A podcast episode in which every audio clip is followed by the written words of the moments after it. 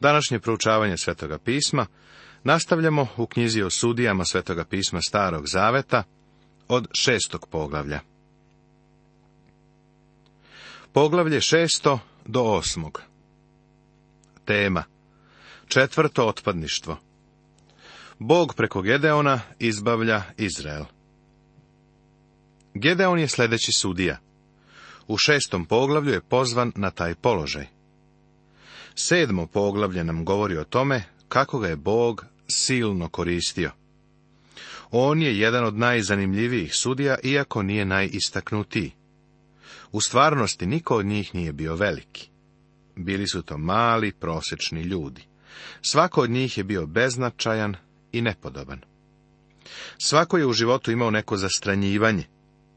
U životu svakoga od njih je blesnula neka greška, a ponekad je baš ona bila razlog zbog kojeg ih je Bog upotrebio. Želeo bih da ovom događaju dodam pozadinske podatke potkrepljene vrlo istaknutim činjenicama. Izveštaj o sudijama su kritičari godinama potcenjivali i odbacivali. Govorili su da pošto se to ne nalazi u svetovnoj istoriji, onda se ti događaji nisu ni zbili a da u prošlosti nije bilo situacija u koje bi se uklopili. Ali sve se to sada promenilo zbog arheološkog iskopavanja i naučnog rada ljudi kao što su Barni, Molton, Brestedi, Garstang. Ovi izvanredni konzervativni naučnici pružili su pozadinu knjizi o sudijama. Znamo da je baš u ovo vreme Egipat bio slab, vrlo slab. Nekada je bio svetska sila, ali je sada oslabljen, jer su faraoni koji su tada bili na položaju bili slabi ljudi. Postojali su također unutrašnji problemi i nevolje. Kao posljedica toga, ovaj narod je gubio vladavinu nad kolonijama. Počela su da nadiru nomadska plemena sa istoka i juga mrtvog mora. Nadirali su jer je u njihovoj zemlji vladala suša trajala je već nekoliko godina. Tako su ova nomadska pustinska plemena počela da nasrću na teritoriju Izraela. Madijanci i Amalici bili su među pustinskim beduinima koji su došli u tu zemlju. I onda počinje priča o Gedeonu. Izrael greši i Madijan ga tlači. A sinovi Izraeljevi činiše što je zlo pred gospodom – i gospod ih dade u ruke Madijanima za sedam godina. I osili ruka Madijanska nad Izraeljem, te od straha Madijanskoga načiniše sebi sinovi Izraeljevi jame, koje su po gorama, i pećine, i ograde. Madijani i Amalici su se kretali kao neorganizovana nomadska plemena. Bili su pljačkaši. Pljačkali su tuđe žito i ostale potrepštine obično su vodili i svoje porodice. U stvari sa sobom su nosili sve što su imali. Na putovanjima su postavljali šatore. U ovom događaju ne iznosi nam se broj ovih ljudi, jer niko na svetu ne bi mogao da ih izbroji, bili su tako neorganizovani. Ali bilo ih je mnogo, pa su nadvladali stanovnike te zemlje. Izraelci su pobegli iz svojih domova i živjeli su po pećinama i skloništima. U izraelskoj zemlji danas ima veoma mnogo dokaza da su živjeli po pećinama, posebno u doba sudija.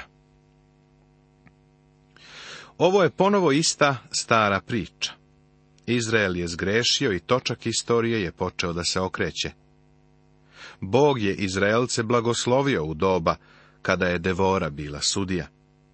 Kada su zgrešili, Bog ih je predao Madijanima, pa su zavapili gospodu za izbavljenje jer se podizahu sa stadima svojim i sa šatorima svojim, i dolažahu kao skakavci, tako mnogo, i ne beše broja njima ni kamilama njihovim, i dolazeći u zemlju, pustošahu je. Madijani su krenuli u napad na Izraelce. Bili su kao pošast skakavaca, kada su ušli u zemlju. Nebrojeno mnogo ih je došlo, ili kako piše, ne beše njima broja, što znači da ih nisu izbrojali. Bili su tako velika družina da neprijatelj nije mogao da ih izbroji. Madijani su vidjeli da Izraelci imaju dobar prinos, a njima su žito i namirnice bili potrebni za njih i njihovu stoku. Manasijino pleme, kome je pripadao Gedeon, zauzelo je ravnicu u kojoj se nalazila Ezraelonska ravnica – to je mesto na kome će se odigrati Armagedon. Iako su zauzeli tu teritoriju, kada su u ovu oblast ušli nomadi, oni su krenuli ka brdima. Premestili su se u tamošnje pećine i skloništa, morali su. Vidjeli su kako njihove useve, koje su ostavili, uzima neprijatelj. Ovo je istorijski period u kome se dešava priča o Gedeonu. A kad povikaše sinovi Izraeljevi ka gospodu od Madijana, gospod posla proroka sinovima Izraeljevim, a on im reče. Ovako veli gospod Bog Izraeljev. Ja sam vas izveo iz Misira i izveo sam vas iz doma ropskoga. I izbavio sam vas iz ruke Misirske i iz ruke svih onih koji vas mučahu. I odagnao sam ih ispred vas i dao sam vama zemlju njihovu pak vam rekoh, ja sam gospod Bog vaš, ne bojte se bogova Amoreja, u kojih zemlji živite, ali ne poslušaste glasa mojega. Ovde Izrael ponovo počinje da cvili i jadikuje. Ali Bog je dobar i milostiv. Došao je prorok i rekao im zašto su u trenutnom stanju. Oni su zavapili Bogu za milost i on im je poslao drugog sudiju. Gedeon, šesti sudija. Sada, u ovakvim okolnostima, Bog se javio Gedeonu u najneprijatnijoj situaciji. Ovako čitamo. Potom dođe anđeo gospodnji i sede pod hrastom u ofri, koji beše Joasa Avijezerita. A sin njegov Gedeon vrseše psenicu na gumnu da bi pobegao sa njom od Madijana. Gedeon nam nije predstavljen kao hero ili neki izuzetan čovek. Znaš li šta je radio? Vršio je pšenicu presom za vino. Presa za vino je od ključne važnosti za celu situaciju. Vidiš, u to vreme presa za vino se uvek stavljala u podnožje brda, jer su tu donosili grožđe iz vinograda teško grožđe su naravno spuštali u podnožje. Spuštali su ga u najniže područje. Za razliku od toga, gumno je uvek bilo postavljeno na vrh brda. Na najviše postojeće uzvišenje koje se tu našlo. Da bi uhvatili vetar koji je odnosio plevu. Ovdje vidimo kako Gedeon u podnožju brda vrše pšenicu. Ovo je mesto na kome bi trebalo sakupljati grožđe, a ne mesto za žito koje treba da se vrše.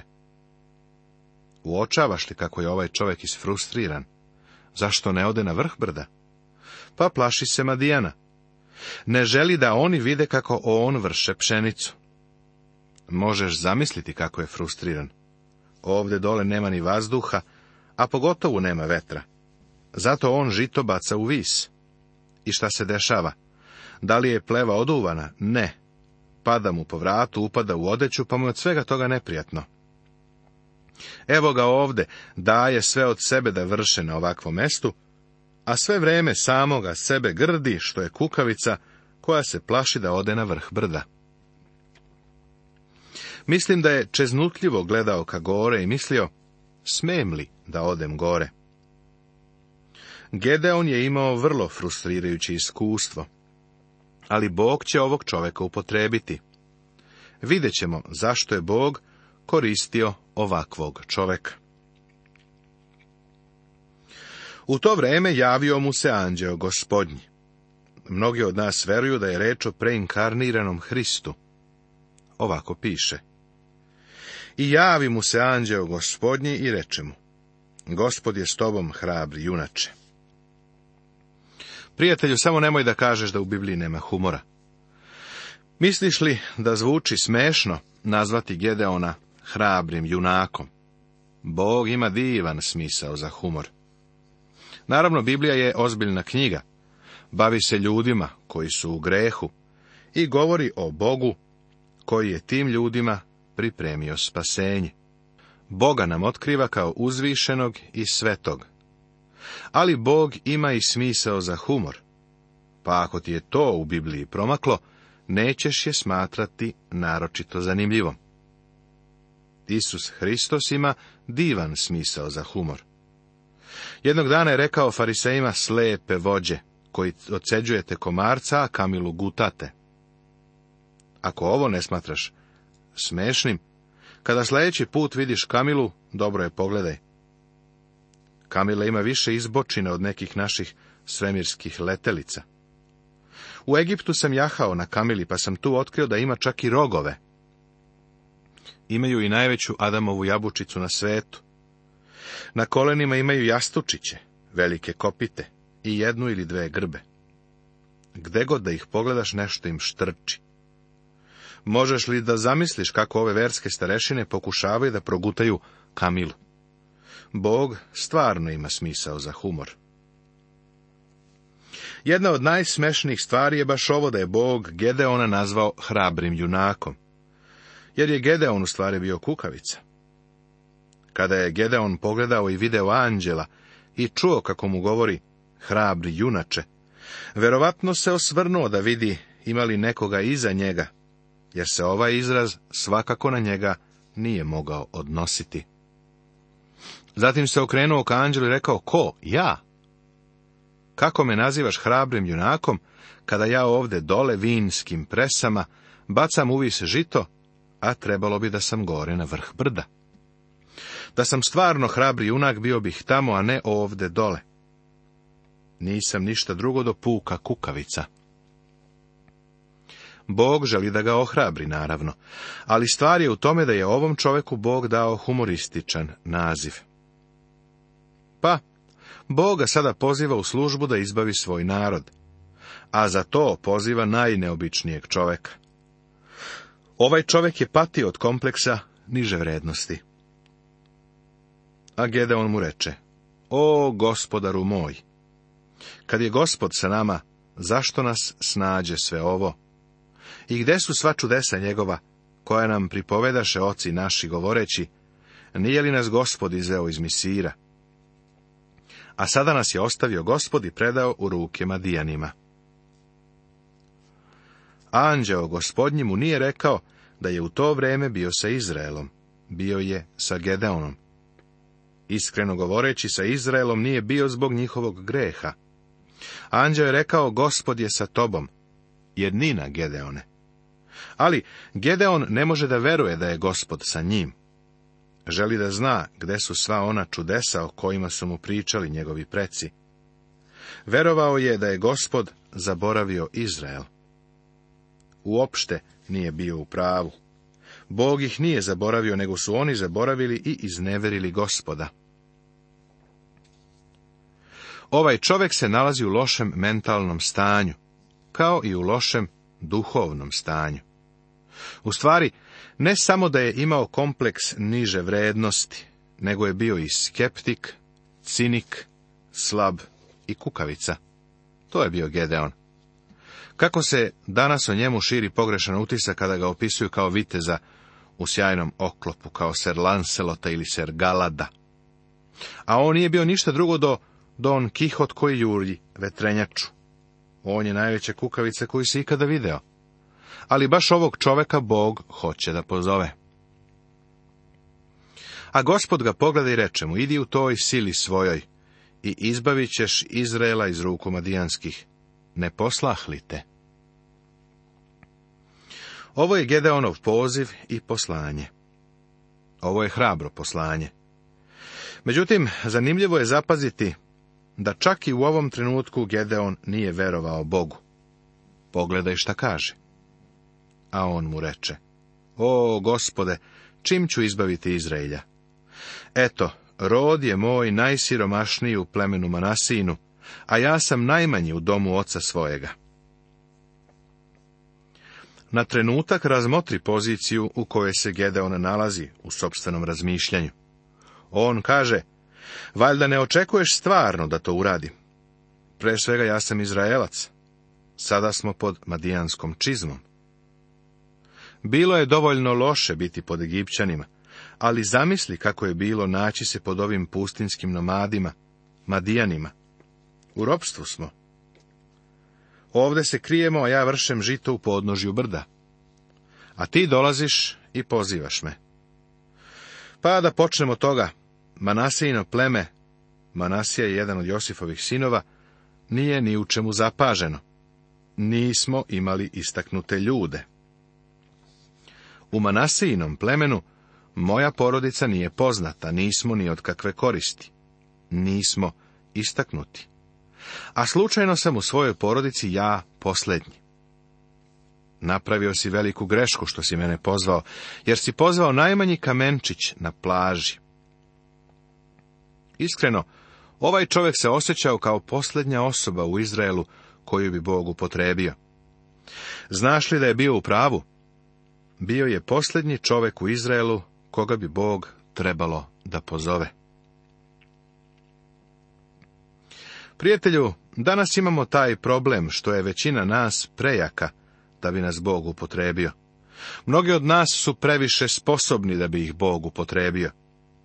Primećuješ da Bog koristi samo slabe ljude, zar ne? Prva poslanica Korinčanima 1, 26 i 27 stih kaže ovo. Gledajte samo, braćo, svoje prizvanje. Nema tu mnogo mudrih po ljudskom shvatanju, nema mnogo silnih, niti mnogo plemenita roda. Nego je Bog izabrao ono što je pred svetom ludo, da time posrami mudre i što je slabo pred svetom, to je Bog izabrao, da posrami jako. Sve ove sudije Bog je upotrebljavao, ali ne zato što su bili sposobni ili istaknuti, Zar te to, prijatelju, ne ohrabruje? Znaš li zašto Bog ne koristi mnoge od nas? Suviše smo jaki. Mnogi od nas imaju previše talenata da bi nas Bog upotrebio. Mnoge od nas čine po svojoj volji, idu svojim putem. Ima mnoštvo talentovanih, sposobnih ljudi koje Bog ne koristi. Znaš li zašto? Suviše su jaki da bi ih Bog upotrebio apostol Pavle ovo spominje. I što se u svetu smatra neplemenitim i prezrenim, Bog je izabrao. I ono što se smatra za ništa, da uništi ono što važi kao nešto, da se niko ne pohvali pred Bogom, kaže prva poslanica Korinčanima, prvo poglavlje 28. i 29. stih. Nešto nije u redu sa hrišćanskim radnikom koji je ponosan. Bog ne koristi telo. Sve što neki siroti propovednik čini u slabosti tela i pritom se hvali, Bog prezire. Bog to mrzi i ne može da upotrebi. Bog želi da ima slabe posude i samo takve će upotrebiti. Bog poštuje ovu politiku da se ni jedno telo ne bi pohvalilo pred njim. Kada se Bog pripremi da nešto učini, on izabira najslabije što može dobiti da bi bilo sasvim jasno da je on na delu, a ne slabašna čovekova ruka. To je Božiji metod. Seti se Mojsija u žbunju kada je bio beba. A onda pogledaj faraona Ramzesa drugog, najsilnijeg od svih faraona koji su sedeli na tronu. On je izgradio velike egipatske gradove, stavi jednog pored drugog slabašnu, bespomoćnu bebu i silnog faraona na tronu. Koga ćeš uzeti? Naravno da ćeš se opredeliti za faraona, jer je on jak. Ali Bog je uzeo mališana iz korpe da bi pokazao da koristi ono što je slabo u svetu, da bi zbunio i posramio mudre. Bog je također izabrao i čoveka koji se zvao Ilija. Ilija nije bio slab čovek, ali je morao da postane slab. Bog je morao da ga provede kroz mnoštvo ispita. U pustinji ga je školovao i na kraju ga je primorao da sluša tihi i tanak Božiji glas. A Ilija nije mnogo mario za taj tihi tanak glas. Bio je to čovek koji je voleo predstave vatromete, buku, fanfare, ali Bog ga je obučio i pokazao mu je da on bira ono što je na ovom svetu slabo. Kada je Ilija ušao u Ahavovu i Jezeveljinu palatu, rekao im je da nekoliko godina neće pasti kiša. Potom ga je Bog sklonio u Sareptu. Kada je tamo video kako je potok presušio, shvatio je da njegov život ne vredi više od sasušenog potoka. Kasnije, kada je pogledao u praznu činiju za brašno, mogao je samo da zapeva neku svečanu crkvenu pesmu. Kada je to učinio, Bog je hranio njega i udovičinu porodicu iz te prazne zdele za brašno. Zašto? Jer Bog bira i koristi ono što je slabo. Nastavit će se.